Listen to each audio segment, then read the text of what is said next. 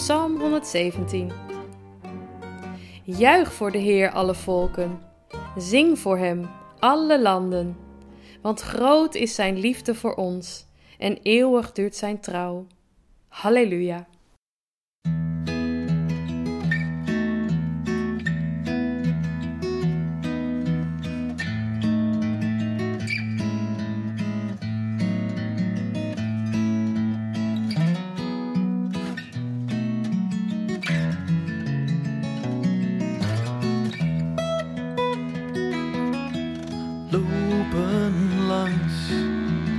IJs van weleer.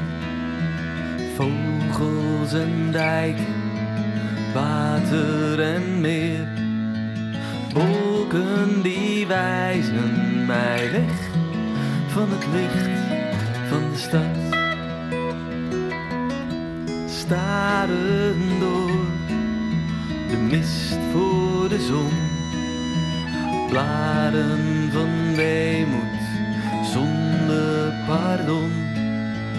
Land dat zo doet en schuurt als het zout in een wond. Laat het water stromen, verdrink mijn lage land. De akker van mijn dromen, komt er toch ooit van. Gods water over Gods land. Waken en slapen, de ijs van de klok.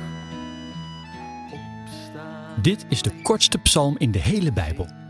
Vier regels en een halleluja, meer is het niet.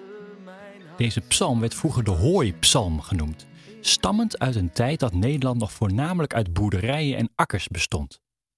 Deze psalm las je als het hoogzomer was. Het was de tijd om te hooien, om op de akkers de gewassen binnen te halen. Hard werken, vroeg beginnen, pas laat naar bed. En de volgende dag weer. Dan las je aan tafel de kortste psalm die je kon vinden, Psalm 117. En na het Halleluja gelijk weer het land op.